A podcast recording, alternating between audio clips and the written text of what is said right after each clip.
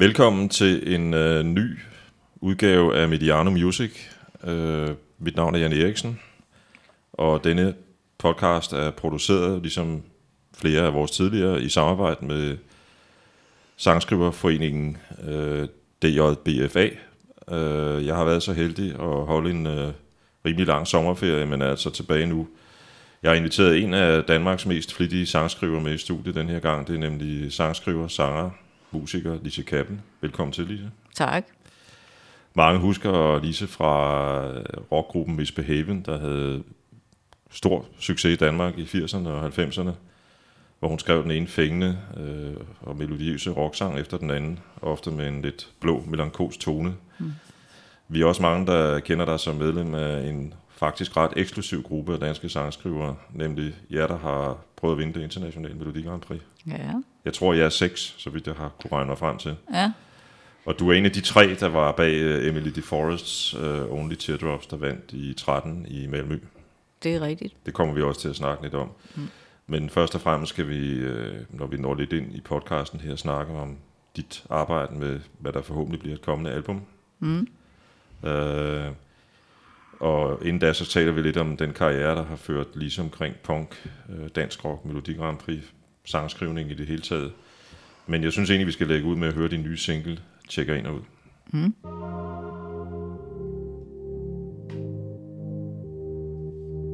Bare en sidste nat Bare et sidste kys Så fortryde alt Fortryde alt Når det første tog Se det første lys Og så glemme alt For du tjekker ind og ud af mit hjerte Ja, du tjekker ind og ud af mit hjerte og du vender op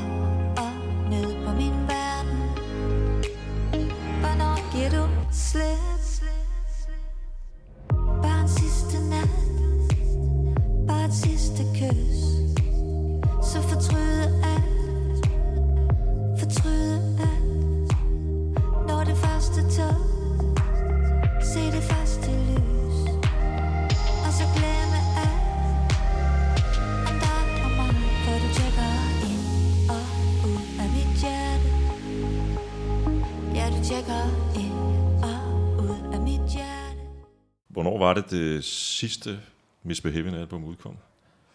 Øh, oh, det var et godt spørgsmål. Jeg tror, det var i øh, 95 eller sådan noget. 95. Eller 96, det omkring.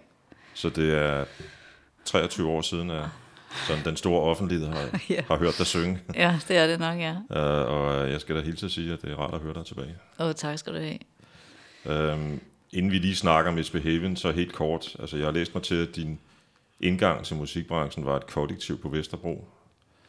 Er det rigtigt, hvor I dannede en gruppe, der hed, kom til at hedde Clinic Q? Ja, det var i hvert fald der, jeg boede på det tidspunkt, og der var nogle andre, der også boede. Så ja, udgangspunktet har været sådan lidt deromkring, ja, det er rigtigt. Men det har været sådan lidt løbende, for det startede egentlig med, et- med et pigeband fra jeg var sådan 16-17 år med nogle veninder, og så er det ligesom blevet skiftet medlemmer ud, og jeg har den eneste, der sådan ligesom var tilbage til sidst. Ja. Men vi kom omkring det der kollektiv på Vesterbro, ja. Og udsendte et enkelt album, Ja, det gjorde vi. Ja. um, som blev modtaget meget flot faktisk. I, ja, det gjorde det vist. Det er godt nok mange år siden, men det, ja. det er nogle år siden. ja. Det har været sådan cirka 1, 2, 83, ikke? Der, Jo, Ja. jo.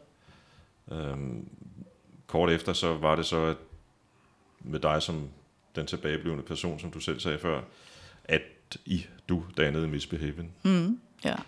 Øhm, Der gik lige nogle år, hvor vi sådan øh, stadigvæk hed, hed Clinic Q, og så, ja, så var det også, der også lidt udskiftning af medlemmer og sådan noget, og så skiftede vi så navn til Misbehaven, ja. opfattede I jer selv som en punkgruppe på det tidspunkt? Egentlig?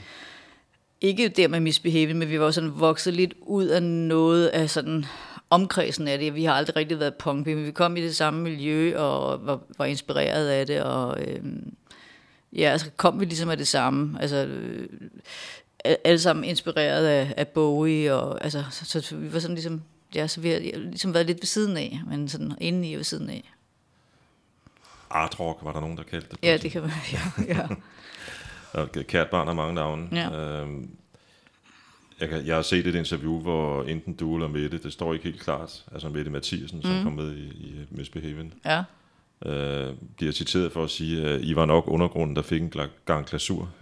Ja, det kan man godt, det kan man godt kalde det. Altså, der kom jo det der på et tidspunkt i, i punken, hvor øh, det der cowpunk, hvor man var inspireret af countrymusik, og den hoppede vi også ligesom lidt på, og der er jo meget med melodier og sådan noget, så tror jeg bare, at vi blev lidt fanget af det, så blev det sådan mere og mere poppet, og jeg har i det hele taget altid godt kunne lide sådan noget, der var meget i ørefaldene, så lige meget hvad for en genre, og der er der også noget af punken, som er ekstrem øh, i ørefaldene, synes jeg jeg plejer at sige, at uh, Nevermind the Bollocks er en popplade. Det, Jamen, går, det er det, for eksempel, ikke? Ja, det, det går bare lidt hurtigere. ja, ja. men det er skide gode melodier. Ja, nemlig, det er lige præcis gode så melodier. det er det, jeg godt kan lide, og så er det egentlig ikke lige meget, men så kan genren egentlig godt være meget, meget rå, eller meget, meget blød. Uh, Glenn Matlock har i øvrigt engang sagt, at uh, en af de grupper, de lyttede mest til uh, i Sex Pistols, var ABBA. Så Ja, okay, ja, så er der en forklaring. der er en forklaring. Ja. Øhm, I kommer i, øh, på det tidspunkt i, i kontakt med øh, et, et nystartet dansk pladeselskab, mm. It's Magic. Ja. Øhm, var det svært for jer at få en øh, pladekontrakt? Ja, det, det var det. Det var virkelig, fordi vi, på det tidspunkt, der sang vi på engelsk, og, øh, og, og det var, altså alle sang på dansk på det tidspunkt, og de sagde, at det skulle være på dansk, og det gad vi ikke, og så var vi en lille tur til London, for det tænkte, så tænkte vi, så kunne vi jo slå igennem der i stedet for. Det blev så ikke til noget i første omgang, og heller ikke igen.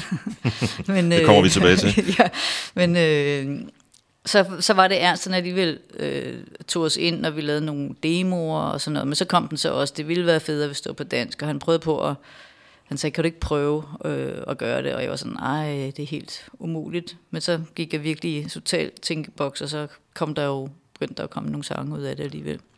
Ernst, det, var, eller det er Ernst Jørgensen, som var, ja. Var ejeren af pladeselskabet ja. Magic, som han, han, han startede op efter, han var stoppet på det store polygon. Ja, Øhm, og i dag i øvrigt øh, en af de mennesker i verden formentlig, der ved mest om Elvis Presley. Mm, han ja. er sat til at... Øh, dengang var det RCA, nu er det vel øh, Sony, så vidt jeg husker. Øh, der sidder på rettighederne til alt det gamle Elvis-materiale. Det sidder han stadigvæk og arbejder med og mm, kan udsende nye ting indimellem. mm. I gåsøjne nye. Der var en ting, jeg tænkte på, da jeg sad og forberedte det her i weekenden. Øhm, der er sådan en debat på den danske musiksten stadig, om hvorvidt uh, mænd forfordeles, både øh, når det gælder koncerter live, men også i forhold til kontrakter med pladeselskaber, etc. Mm. Øhm, følte du, at det var svært for jer, fordi I var fire og senere fem kvinder på det tidspunkt? Øh, åh, jeg er blevet spurgt om det mange gange. Øh, det, er, det er sådan lidt dobbelt, synes jeg, fordi jeg tror, det var en fordel, at man lagde mere mærke til os, selvfølgelig, fordi vi skilte os ud. Ikke? Men så samtidig så var det selvfølgelig irriterende, det der med, at folk ligesom dømte os og sagde, at Nå, I spiller da øh, skide godt af at være piger, eller øh, øh, står der en rigtig trommeslager og sidder og spiller bag ved tæppet. Og, altså alle de der fordomme om, at man ikke kunne spille. Og, ja, I er nok et af de bedste pigebands, der er i øjeblikket. Og der var ligesom to, så, så det er sådan... Det er sådan men selvfølgelig fik vi måske lidt ekstra opmærksomhed. Og det er jo altid godt. Ja. Så det var ikke, hvad kan man sige, det var ikke negativ opmærksomhed i den forstand. Nej, altså det var sådan både og, ikke? Altså også det kørte meget på sex og sådan med, med forsiden. Jeg havde faktisk ikke tænkt over misbehaving over det navn. Altså, vi blev så kaldt misserne. altså ja. enormt meget. Det havde været dumt, altså dumt navn på den måde, ikke? Men, øh, så der var jo meget sådan, sådan nogle ting der, ikke? Som er irriterende, som mænd jo ikke i den samme grad bliver udsat for. Ja. Du sagde selv før, at der var en, øh, der var sådan en kopunk bevægelse mm. lige på det tidspunkt, og der er jo faktisk en, en indspilning af Jolene Nå ja, ja. på det første album. Hvad, Ja. hvad fik jeg egentlig til at grave fat i Dolly Parton? Jamen, jeg har altid elsket den sang, og så da der kom det der øh, cowpunk-agtige ting, så, så tænkte jeg, at det, det kunne være sjovt at, at indspille den. Og så prøver man jo bare en gang med nogle, nogle ting, og så når der er noget, der virker, og noget, der ikke virker, så synes vi, det var super fedt, og med Annes slide, guitar og mundharmonika og sådan. Så vi synes, vi synes, vi havde noget, og jeg synes, når man laver et cover, skal man lave sin egen udgave, og det synes jeg meget, vi har gjort med den. Den er markant anderledes end, end originalen. Øh, så, så jeg synes, det var fedt. Det er en rigtig fed opgave. Eller mm. øh, udgave. Mm, ikke tak. en opgave, en udgave. Øh, Det var også en fed opgave. Ja, det var, det var en fed opgave. Og som del af den opgave, der blev øh, nummeret Coco indspillet på øh, jeres første album, ja. Som, som bare hedder Misbehaving. Mm. Øh, og jeg synes, vi skal lytte lidt til Coco, før vi går videre. Fedt.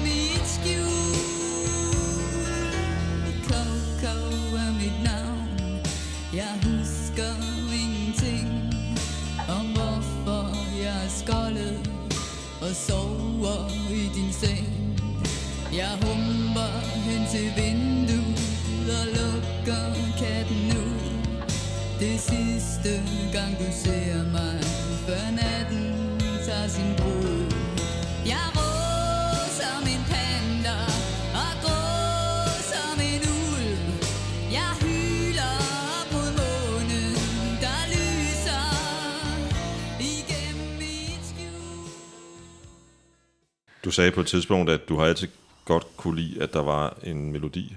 Mm, en ja. god melodi. Det her er en, en skide god melodi. Tak skal du have. Øhm, jeg tror, det var... Nu må du korrigere mig, hvis jeg husker forkert, men det var vel egentlig jeres første hit, var det ikke? Jo, det var det. Det var det første, der sådan blev lagt med. Jo, det var det. Vi havde været i tv sådan øh, under uret. Der var på et tidspunkt Hans Otto Hans Otto Ja, ja. Og, og det var, dengang var der kun én kanal, så alle havde bare set. Så jeg kan bare huske det der at gå ned i, i Føtex dagen efter. Der var sådan lige pludselig en, en, en ny verden. Så der, der havde der optrådt ved det, der, øh, der startede det. Jeg husker at have set jer på øh, Roskilde Festivalen, og jeg tror, det var 87, mm. altså samme år som Ja. albumet Jamen, der havde vi også en, ja, en ret vellykket Det var koncert, ja. en fantastisk koncert, hvor publikum jo kunne en masse af teksterne. Ja, Og I virkede lidt sådan, er vi vågne, eller drømmer vi? Ja, ja, men det var også øh, meget, meget mærkeligt, fordi vi havde jo spillet i nogle år, og der havde været det jo det der så vanlige, men når man tog ud og spillede, så øh, gik man op og kiggede ud gennem tæppet for at se, om der lige var kommet nogen, ikke? og der kunne kunne godt blive sent, før man gik i gang, ikke? fordi man ville godt have lidt gang i den, ikke? og lige pludselig så var publikum, der var, det er det selvfølgelig på Roskilde, men også andre steder, ikke? vi havde en turné også efter, hvor der bare var lange køer, og folk, der kunne teksterne, og ja, det var fantastisk. Hvordan påvirkede den succes der i begyndelsen? Ja, man blev sådan en lille smule højrøget, det kan man vel ikke undgå. altså, man, øh, jamen, troede på den, altså lige pludselig, fra, man, vi havde ligesom hele tiden troet på, at vi kunne et eller andet, og så, øh, men, men nu begyndte virkeligheden ligesom at afspejle det, så på den måde var det jo fedt. Altså, og det gav os nogle muligheder, og der kom jo hurtigt noget udland ind over, som, som vi fik lyst til at forfølge også, og sådan, ja. Der kom jo, øh, undskyld, der kom så meget udland ind over, da I blandt andet fik mulighed for at indspille i London. Mm. Og øh, hvis nok med Ernsts, hvad kan man sige, ihærdige mellemkomst. Øh, Ja.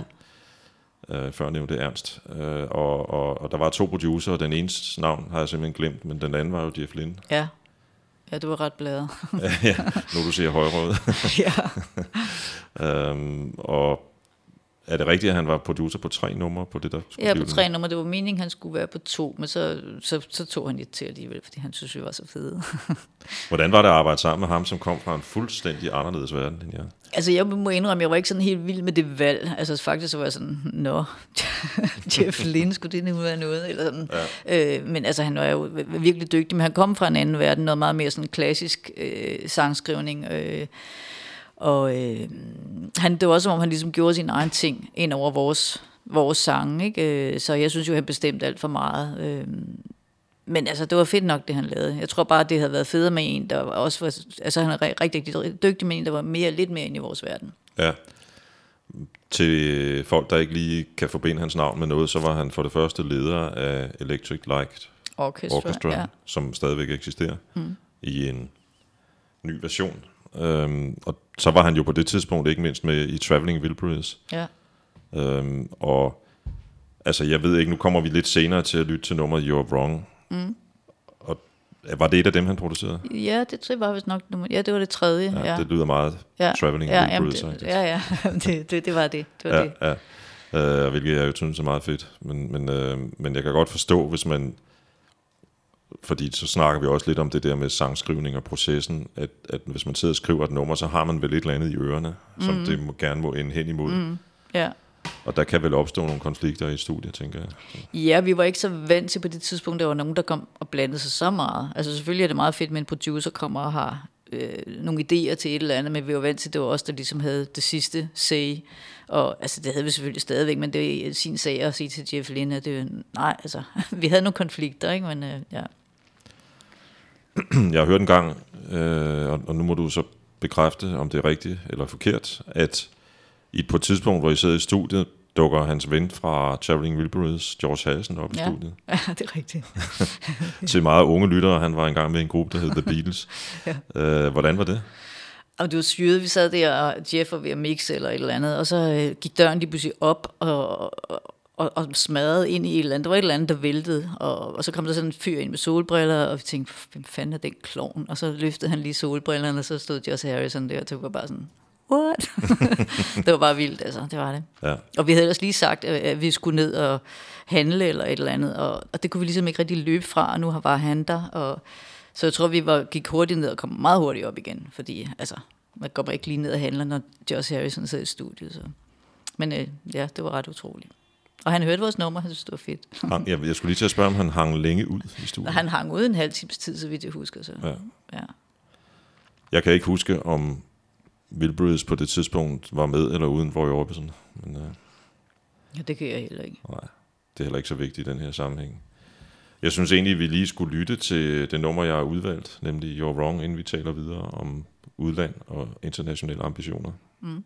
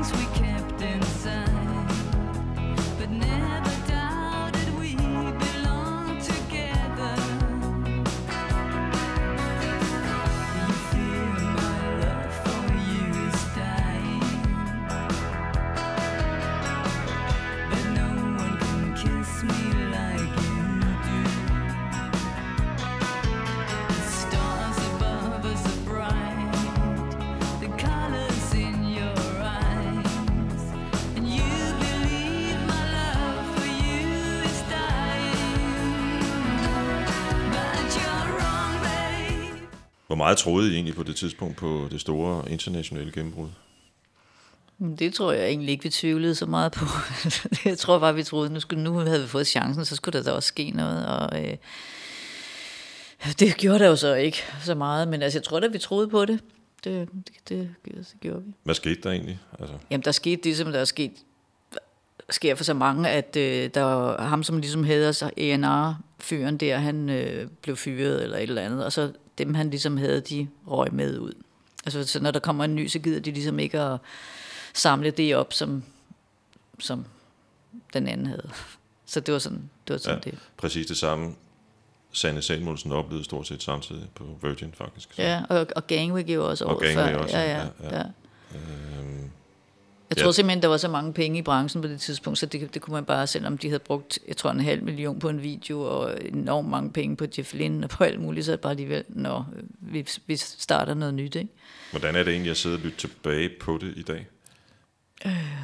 Jamen, det er meget sjovt. Altså, der er noget, man synes er fedt, og der er noget, man... Det, ja, det er sådan lidt underligt. Det er jo mange år siden, så øh, ja. Ja. Når man sidder og lytter til de LP, eller LP'er, album, øh, CD'er, I noget er udgivet mm. i Misbehaven, så tænker jeg, at du har jo, øh, det har du så også fortsat med, men du, du var jo enormt kreativ på det tidspunkt. Altså, der blev jo skrevet den ene tekst og melodi efter den anden. Ja, ja. Øhm, var det, hvad kan man sige, var det succesen, der var med til ligesom at, at skubbe på der?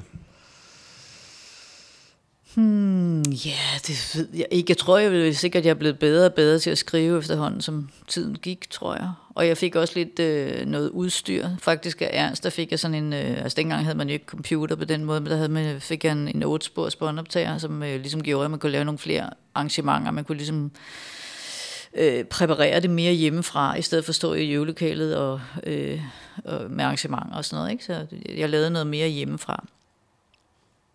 Så det kan godt være, det har startet kreativ, kreativiteten noget mere. Øhm, på et tidspunkt så skifter I faktisk navn til Martha Martha. Ja. Hvorfor egentlig det? Øh, jamen det var fordi, det var, det var øh, hvor vi faktisk fik en, en, øh, en kontrakt i USA, og alle det år, de råder os fra, hed det, fordi det, der forbinder man det meget med sex, det der misbehaving, og ikke som, altså som vi havde hele tiden set det som mere sådan, sådan lidt rebelsk, øh, men der, der var det sådan frække piger, og det havde vi jo, det så ligesom for alt det, vi ikke var. Øh, så vi skulle finde på noget andet.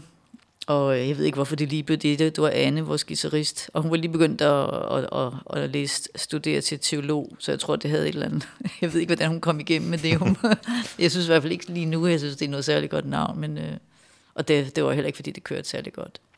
Nej, altså på et tidspunkt der sidst i 90'erne bliver jo enige om at, at lukke ned for, Ja, ja. for Misbehaven. Ja, både for, for det var fordi, vi for det første så ville vi lidt forskellige ting musikalsk, og mere også det der med, at jeg havde fået i kraft af, at jeg kunne lave noget mere af det hjemmefra, jo mere dominerende blev jeg nok også, og, og ville bestemme, hvordan det skulle være, hvor før det havde det været lidt mere jammet, man står og finder ud af sin rolle, så var jeg sådan lidt mere bestemmende, og det tror jeg, de andre synes var lidt kedeligt, og øh, Øh, Anne, hun ville bare have noget med noget guitar og altså, øh, sådan nogle ting. Ikke? Og så samtidig så var der to, der var fået børn, og det tog også ligesom noget, øh, noget af, af det. Ja. Og så sådan almindelig bandfnider efter Ja. ja. 10-15 år sammen. Og sådan. Ja, ja. Øh, Margrethe Bjørklund når vel at være med i en... Ja, hun var lige med i, i men det var mest på sådan en uh, turné, vi havde sådan en teaterturné, som jeg ikke er så stolt af, som vi lavede til sidst, som, det var, der var hun med der. Hvor I havde lavet øh, musik til noget Ja, et, teaterspil. Ja, ja. ja. Øhm, jeg kan ikke lade være med at spørge, fordi alle bands bliver jo gendannet på et eller andet tidspunkt. Mm. Jeg er klar over, at øh, Anne desværre ikke er blandt os længere, Ja. men øh, har det nogensinde været på tale at gendanne Misbehavior? Altså, det har været på tale mange gange, hver gang vi, vi sådan har mødtes. Øh, øh, altså, jeg ser Mette sådan jævnligt, men de andre, dem ser jeg måske et par gange om året. Og så er det tit i sådan nogle sammenhæng, så sidder vi og snakker, nej, det kunne også være sjovt. Og, men jeg, jeg er nok den, der aldrig rigtig har synes, det har været sjovt, fordi jeg synes i virkeligheden ikke, det var så sjovt at være ude at spille. Altså, jeg, jeg, det var, for mig der var det mere det at skrive og være i studie, jeg synes, jeg synes var spændende. Så alt det der andet, det kunne jeg egentlig godt undvære. Og det er jo en god overgang til at snakke om dit virke som komponist. Mm. Øhm, da du og Mette skriver fra Mols til Skagen Ja. til Out Wilken mm. i... Den var med i Melodi Grand Prix 1995, så ja. Den er vel også skrevet cirka det omkring, tænker jeg. Ja, ja, det har det nok været 94, fordi det kommer lige der. Det kan, ja. Jo, det har det været, ja, 94, ja. Der har altid været og er stadigvæk mange fordomme om Melodi Grand Prix. Ja, Øh, var det ikke øh, lidt af et spring for jer? Sådan, jo, meget stort spring. Men de, altså det er, de havde spurgt mig nogle år i træk, fordi de ville godt have ændret, ændret formatet med, at det var så danstopagtigt, og der havde jeg bare sagt nej. Og så sagde de, at de ville lave det, de ville prøve noget helt nyt, og få prøvet at få lukket alle mulige de der almindelige poprock øh, kunstnere i det næste, altså sådan Elisabeth og Anne Linnet og Fatman og alt sådan nogen.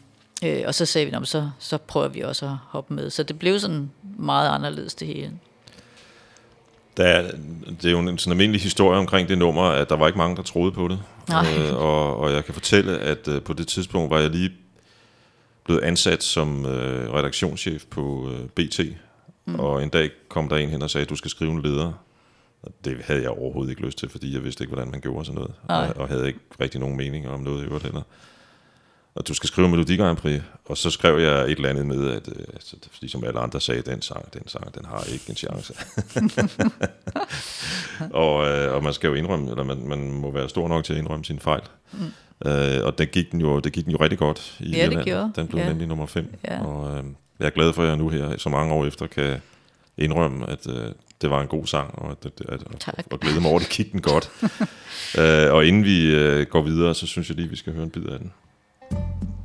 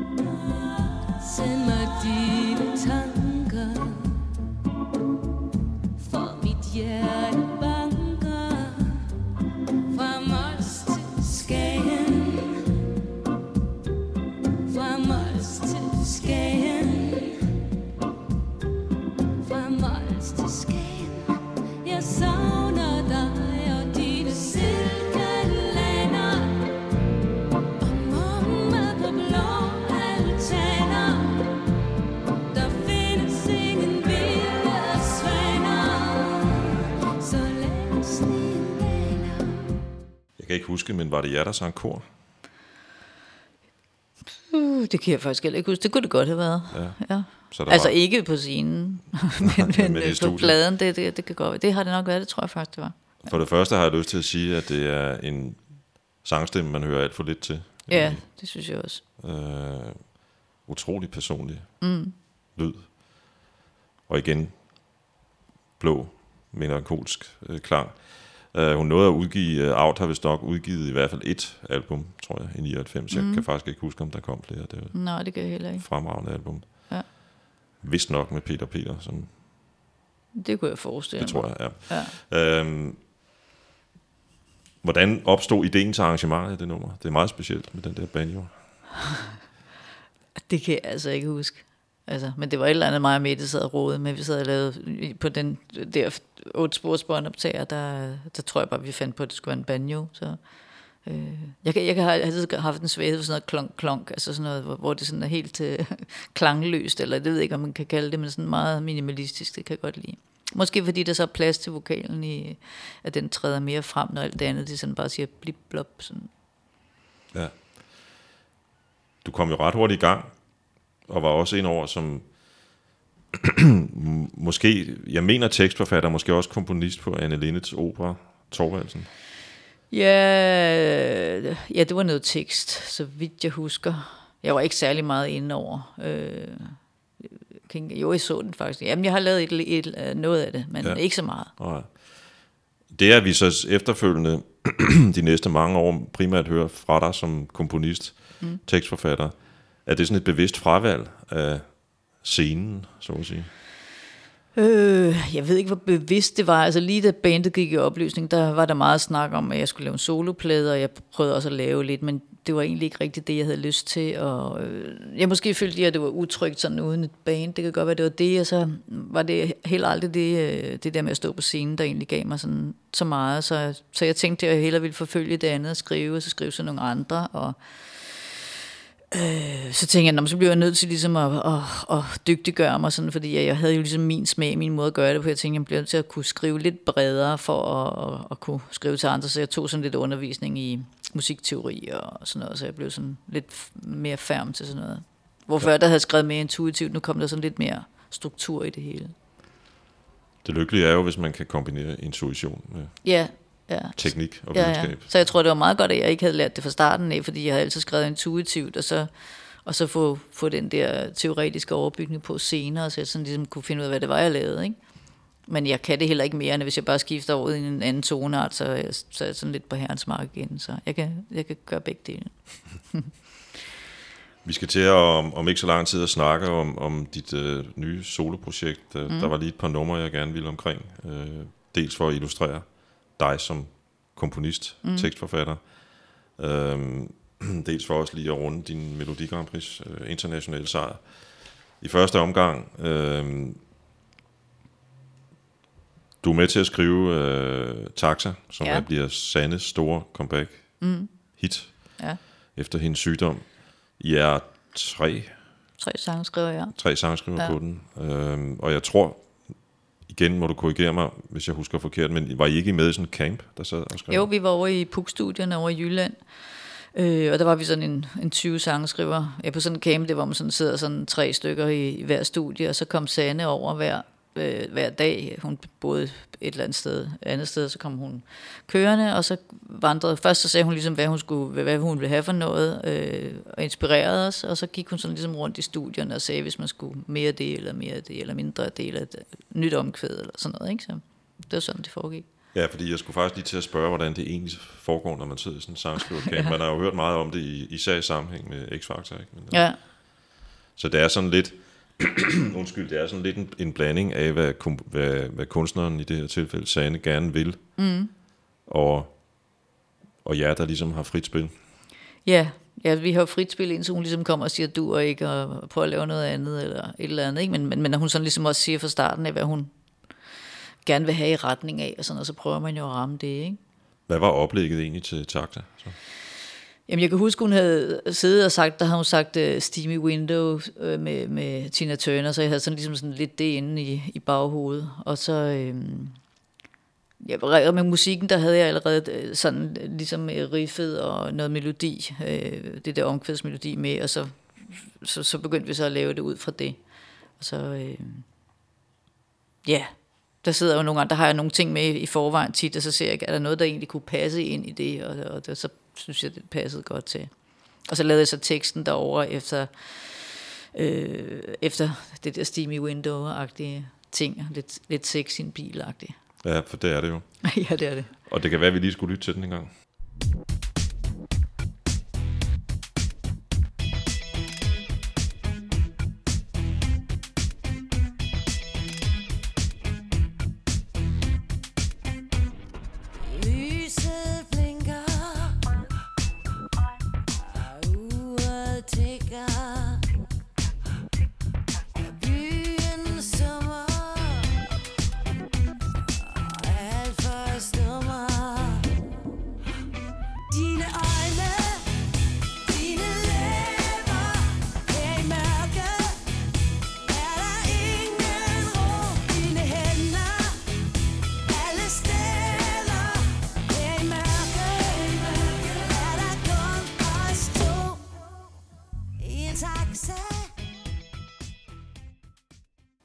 For god ordens skyld skal jeg lige nævne, at øh, det er Mogens Binderup og Kim Erik Sorte, der også har været med til ja. At skrive den her sang. Mm. Øhm, vi skal snakke en lille smule om, som jeg sagde før, om Only Teardrops, som blev det nummer, som Emily DeForest vandt øh, det internationale mm-hmm. Grand Prix med i, i øh, 13. Øh, og det er vist også skrevet i en camp, er det ikke? En sangskrivercamp. Nej, det er faktisk ikke skrevet i en camp. Det er skrevet hjemme hos Thomas i hans studie. Og vi skrev den faktisk til Tyskland året før. Jeg tror, han havde et eller andet... Øh, jeg kan ikke huske, hvem det var, men der havde jo en, der havde en indgang til det tyske øh, Grand Prix, og så prøvede vi egentlig at ramme det, men de ville så ikke have den, og så lå den i dvale i et år, og så blev den taget op af posen igen. Det var da dumt af Tyskland. Ja, det var meget dumt. Øhm, de havde godt nok lige vundet med en Ja, meget så, ja, det er rigtigt. ung sangerinde, jeg kan ikke huske hendes navn. Men... Øh, hvad var nogen hed? Det kan, Lena, Lena, Lena, tror jeg, ja, ja, ja. ja, det var faktisk også skide god. Det var også en dansker, der havde været med til at skrive Ja, det er rigtigt, ja. ja. Øhm, hvad, hvad, hvad, hvad, var, hvad, hvad, hvad, hvad var jeres indgang til den? Den har sådan lidt folk-agtig øh, stil. Hmm, jeg ved ikke rigtig, hvad indgangen var. Jeg tror, vi prøvede at lave et eller andet noget lidt, lidt eller aura, den der øh, Geronimo. Jeg tror egentlig, det var lidt det, vi tænker, at vi skal prøve at lave sådan noget agtigt. Men det endte, endte jo et helt andet sted. Men øh, jeg tror egentlig, det var det, vi prøvede lidt at lave. Og så, så, sad vi bare, så sidder man jo bare og moser rundt. Det er meget fedt nogle gange det der med at have en ting, man vil pejle hen imod. Så lander man tit, men i stedet for at man ligesom sidder og slet ikke har noget udgangspunkt, så kan man sidde i mange forskellige retninger. Ikke? Så, øh, så kom den bare meget hurtigt i stand. Øh, Thomas stod med en guitar, og mig og Julie, vi stod og jammede alle mulige melodier, og så, så hurtigt så blev det sat, sat sammen, og så gik Thomas i, i sit studie, og så begyndte mig og Julie at lave øh, teksten. Julie, det er Julie Fabrin, Ja, som var med i X-Factor på et tidspunkt, mm. men jo har haft en solokarriere i, ja. I mange år efterfølgende. Øh, og så Thomas Stengård hedder han det Ja. til efternavn, ja. Øhm, I, I var med i Malmø, så vidt jeg husker. Mm. Øhm, og der sker jo det, at øh, det her evigt tilbagevendende fænomen øh, hvert år, når der er Melodi Grand Prix, nemlig hvad siger de her bettingfirmaer omkring øh, Ja. sangen. Ja. Der skete jo det, at den blev spået rimelig gode chancer. Ja, den lå nummer et, tror jeg, hele vejen, fra, lige fra vi havde vundet i, i Herning. Så da vi kom ud til det et par dage efter, så var de helt op at køre, fordi den lå, lå nummer et. Og der var alle landene jo ikke fundet endnu, men den blev bare ved. Jeg tror, der var lige en enkelt dag, den var røget ned på anden plads, men så ellers op igen. Så den var jo sådan en favorit helt fra starten.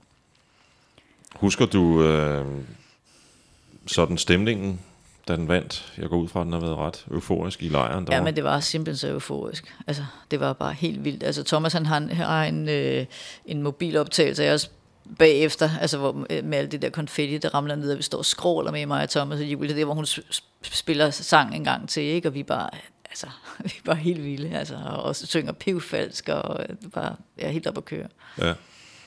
Og det er jo også stort. Ja, Øhm, der er mange, der siger, at, øh, eller der, jeg ved måske ikke så meget mere som engang, men, men der er mange, der har det svært med det der med at konkurrere på musik. Men, men Jamen, det synes jeg er noget underligt noget, for det er jo en stor konkurrence hele tiden. Altså, med, altså i hvert fald, hvis man laver kommersiel musik, altså, så det er jo med hitlister og med, hvad for nogen, der er i rotation, og altså, det er jo konkurrence det hele alligevel. Så, Og jeg skal helt at sige, at øh, det er også sådan, man ser på det internt på pladeselskaber ja, ja. og, og andre steder. Altså, det er jo, man sidder jo hele tiden og kigger på hitlister. ja, Og i vores dage på nogle algoritmer, der styrer, hvordan mm. at, at lytningen er på Spotify og andre streamingtjenester.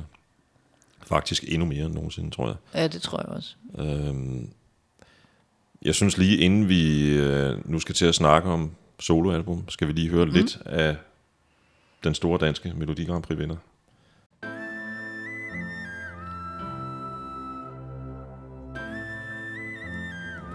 The sky's tonight. We're on the edge tonight. No shooting star to guide us. Eye for an eye. Why tear each other apart? Please tell me why.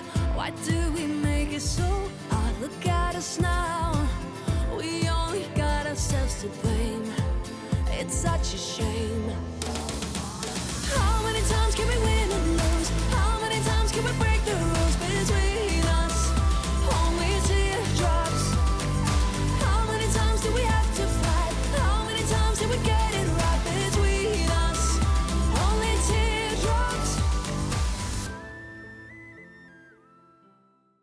Du sagde, at, at de havde måske lyttet lidt til Auras Geronimo. Mm. Øhm, jeg kan godt se, hvad du mener, mm. men, men, men det her er jo sin helt egen selvstændige øh, sang med sådan en meget flot, øh, sådan crescendo-agtig. Ja. Øh, Jamen, den fjernede sig langt fra det. Det, var, det jeg tror bare, at nogle gange så siger pladeselskaberne et eller andet vil de godt have noget i den stil, så har man det, lytter man jo lige til det, og har det i sine overvejelser, men så det går lynhurtigt i en, i en helt anden retning. Ikke? Så. Arbejder du meget med, jeg ved, der er mange, øh, jeg ved, der er nogle komponister, jeg ved, der, der også er producer, som, det er jo sådan lidt anden boldgade, men mm. der er nogle producer, der arbejder meget med sådan noget med, med referencemusik. Altså, man Nej, siger, nej, det gør jeg ikke. Altså ikke andet end sådan, det kan godt være, at jeg tænker, ej, det der nummer, det er fedt, hvad, hvad, te, hvad tempo er det, eller analysere det, men jeg begynder ikke at, at, at, at, at referere til det på den måde, nej. Bruger det som referat, det gør jeg ikke. Vi hørte singlen øh, tjekker ind og ud mm. i begyndelsen, og kommer vi også til at lytte til her, til, øh, når vi slutter på et tidspunkt. Øhm, hvordan, hvordan er den sang opstået? Er den opstået som en, en selvstændig sang, eller er den opstået i dit baghoved som noget, der gerne skulle være en del af noget større, altså et album? Øh, ja, den, den er ikke, jeg sidder bare og skriver hele tiden. Altså, når jeg ikke er ude og skrive med nogen, så sidder jeg bare og skriver derhjemme, og så kan de faktisk gå i rigtig mange retninger. Men jeg har jo hele tiden haft det her solo-ting kørende i sådan set mange år en gang med, hvor jeg tænker, ej, måske skulle jeg, og hvis der en gang med dukker en sang op, som jeg tænker, ej, det kunne måske godt. Og, og det var det så med den her, så derfor begyndte jeg så at, at tænke, det kunne måske godt komme over i den pulje, og så begyndte jeg at prøve at lave noget tekst til den og se, hvad, for det er tit det der er det springende punkt, om jeg kan lave noget på dansk, og noget, som jeg føler, jeg kan, ligesom kan få ud af min mund på en eller anden måde, noget, der jeg synes, der passer til mig. Sådan. Så det er sådan, så det er ikke fordi, jeg skrev den di- direkte, så det, det var bare sådan en del af, af mange sange. Er det dig selv, der har mere eller mindre indspillet den alene, eller hvordan? Nej, altså jeg har indspillet demoen, og så har, øh, og så har jeg taget, haft noget af, det, noget af det med i studiet, som vi har brugt sådan lidt som udgangspunkt, og så det vokset ud, ud fra det med en, der hedder Emil Lej, som, som har produceret det. Hvor jeg sådan har, ligesom har siddet i sofaen og lyttet med, lyttet med, når han ligesom lavede noget, ikke? Og nej, mere over i det. Altså. Men det er ham, der har produceret det. Og, Den er jo øh, mere eller mindre elektronisk. ja, Øh, er det sådan et valg, hvor du har sagt, nu vil jeg den vej, eller er det bare opstået sådan? Mm, Altså, jeg kan godt lide det. Altså, så jeg tænkte egentlig hele tiden, at, at, at måske skulle, den, skulle det egentlig være mere øh, rockband-agtigt, når den skulle laves færdig. Men så snakkede jeg lidt med min, min pladeselskab publisher, og øh, altså, han synes, det egentlig var fedt at, at, at, at gøre det sådan, og så overvejede jeg lidt det, og det, det er egentlig også det, jeg bedst kan lide, sådan set. Øh, øh, Øhm, så i stedet for sådan at begynde at omforme det, for det, den var det i forvejen, også lidt af nød, fordi når jeg sidder og skriver, så gider jeg ikke, jeg får doven til at sidde og spille guitar, fordi så skal man hele tiden, hvis man tager op i tempo og ned i tempo og toneart, så skal man hele tiden spille det om igen, så jeg sidder meget og arbejder elektronisk, så hvis jeg skulle have lavet den på den anden måde, så skulle, det ligesom, så skulle den ligesom fødes på ny, så så var det jo egentlig meget fedt bare at køre den videre. Ja. og det er ganske spændende, synes jeg, øh, mm. at høre. Ikke bare det, som jeg sagde tidligere, at du er tilbage efter så mange år, men også øh, altså ligesom det har taget en ny, en ny vej, eller hvad man Ja. skal sige. Ja. Øh, hvordan, hvordan, nu siger du, du har i øvrigt en pladeselskabsmand. Øh, Ja. hvad, hvad er det for et selskab? Ja, det, er- det er den samme som med min publisher. Det er jo ham, jeg har snakket hele tiden om. Og, øh, så det er også sådan lidt et pladselskab, men det er sådan lidt en blanding af at gøre det selv, og så står de sådan... Så vi har sådan ligesom delt det lidt. Ja. Øhm, hvor meget, altså, hvor klar er du til at kunne udsende et album lige for øjeblikket? Jamen, jeg er ikke sådan klar, men jeg har en masse materiale liggende. Det er mere det der med at få det lavet helt færdigt. Altså, jeg har en masse skitser, vil jeg sige, ikke? Øh, og så, så vælge de rigtige sange og lave dem færdige, og så er det selvfølgelig studietid, og det koster jo også nogle penge, så jeg skal ligesom samle. Jeg søger nogle legater og sådan noget, så det, det er også noget med økonomi, så jeg tager sådan et skridt ad gangen, og jeg, jeg vil arbejde på nummer to sang, så vi sådan lidt ad gangen. Om det så ender med at blive et album, eller en EP, eller hvad det gør, det, det, må, det må tiden vise. Ja. Det er jo nok sådan mange arbejder i dag, tænker jeg. Ja, det tror jeg også. Det, det er noget helt andet, end da, da jeg var ung, hvor det ligesom var pladeselskabet, som ligesom stod for alle udgifter. Nu skal man ligesom komme med en master selv på en eller anden måde, ikke? Og det er jo, ja, det er i hvert fald meget almindeligt, har jeg hørt. Ja, det er ikke sådan, at de står og siger, her har I fem billetter til London, og så, Nej, det er det ikke. så har vi hyret Abbey Road, og Ja. Jeff Lynne kommer. Hvad hedder det? øhm, Men der er vel ikke andet for, altså når man sådan taler med musikere, så synes jeg jo heldigvis tit, jeg hører folk sige, jamen det er sådan, det er, og så må man tage den derfra. Ja, Jamen, så det, det kan man jo ikke lave om på. Men så kan man så selvfø- selvfølgelig sige, så er det, det heldige ved, at man så har hjemmestudie, hvor man kan lave en del af forarbejdet først, så det ikke, man ikke behøver at bruge så meget tid i det sådan dyre studie. Ikke?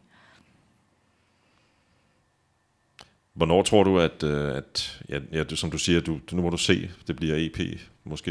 Øh, Ja. Hvornår kommer der noget nyt fra dig? Jamen, jeg tror, jeg skal have- møde med dem her snart. Jeg havde egentlig regnet med, at der kommer noget inden jul, jeg ved ikke, fordi det, man skal jo også skynde sig lidt, hvis man ikke skal sådan ryge ind i det der julesalg, og det tror jeg bliver farligt. det hører man altså, det skal man undgå. Så ja, jeg ved ikke, om jeg når, det, øh, når at lave noget før, før i det her år, eller er det måske begyndelsen af det næste år. Julesalget er vel, når det gælder fysiske eksemplarer, mere eller mindre dødt, men selvfølgelig er der også et øh, julesalg øh, Ja. digitalt. Ja, men altså hele det der kommercielle, jeg, jeg ved ikke, det, det må jeg lade dem om, hvornår det er smartest at gøre et eller andet, det, har, det ved jeg ikke noget om.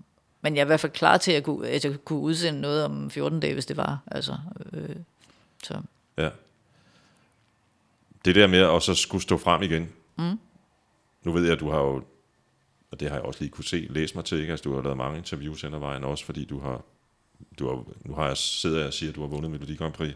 Mm. Det er internationalt, du har faktisk vundet det danske fire gange. Mm. Øhm, og, og, og derfor været i pressens fokus i, i flere omgange hele tiden. Ikke? Men, men, men er der nogle skrubler i forhold til sådan at skulle, skulle ud?